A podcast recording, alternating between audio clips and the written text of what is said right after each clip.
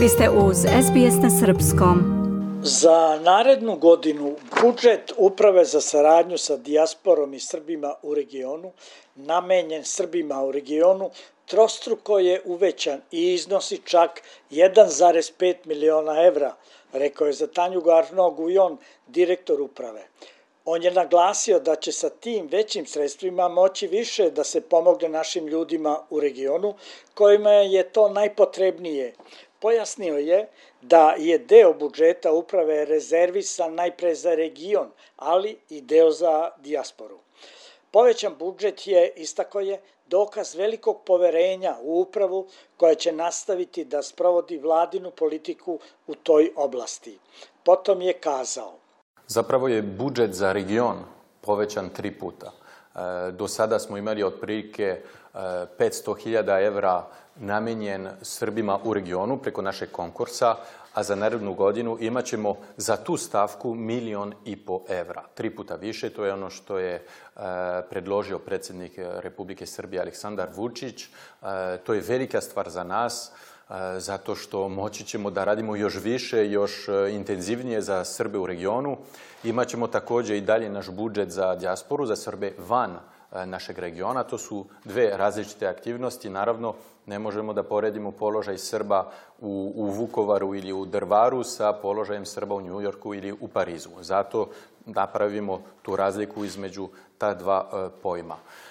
O planovima za narednu godinu za region Gujon je kazao da će se nastaviti sa podrškom započetom ove i prošle godine. A o povratku naših ljudi u domovinu, on je rekao da Srbija danas nije ona od pre 30 godina. Mnogo se promenila, razvijala se i to je primetno i to vide svi iz dijaspore, ali se i zapad, gde naši ljudi uglavnom žive, promenio i tamo je kriza ne teče med i mleko. Zatim je nastavio. Želja za povratkom je ogromna u, u dijaspori i svi nekako maštaju o tome. Mi kao uprava za saradnju s dijasporom i Srbima u regionu, naša uloga je da ljudi koji žive u dijaspori ne izgube identitet, znanje jezika i kulturu. Jer ako izgube to, onda svakako povratak je nemoguć. Tako da zato razvijamo te projekte. A za one koji se odluče na takav jedan korak i da dođu ovde, onda postoji pri kabinetu premijerke Brnabić tačka povratka koja konkretno ovde na terenu im pomaže oko administrativnih problema koji mogu da imaju, carinskih procedura i sve što je potrebno za bezbolan, da tako kažem, povratak u Srbiju. E, tako da, eto, radimo, svi smo deo istog tima, imamo isti cilj, a pošto su demografska pitanja izuzetno bitna, pogotovo u 21. veku, pogotovo u Evropi, a u toj Evropi, u samoj Srbiji, onda treba svi mi da radimo još više kako bi se što više ljudi vratilo u našu a, lepu Srbiju. Utisak mi je da je želja za povratkom sve veća i veća.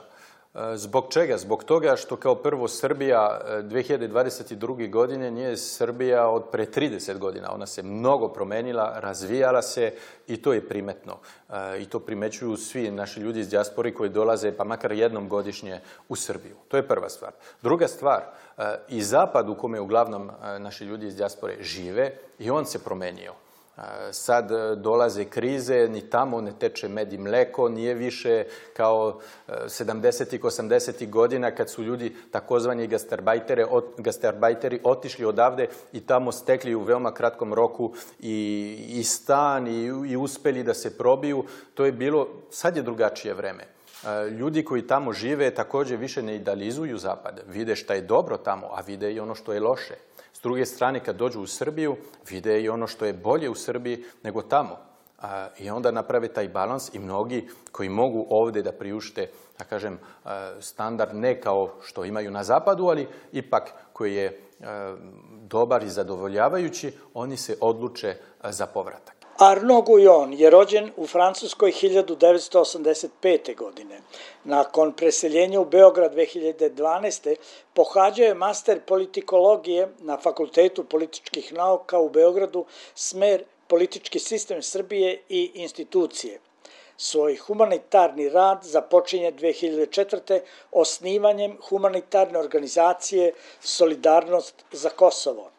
Godine 2018.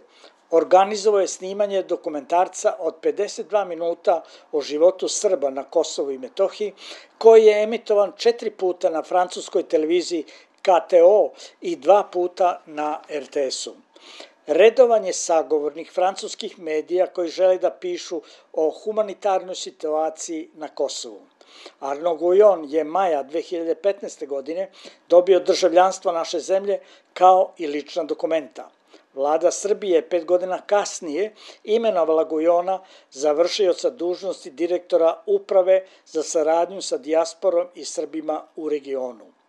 Pored maternjeg francuskog, govori srpski, engleski i ruski jezik. Oženjen je srpkinjom i ima troje dece. Iz Beograda za SBS radio Hranislav Nikolić.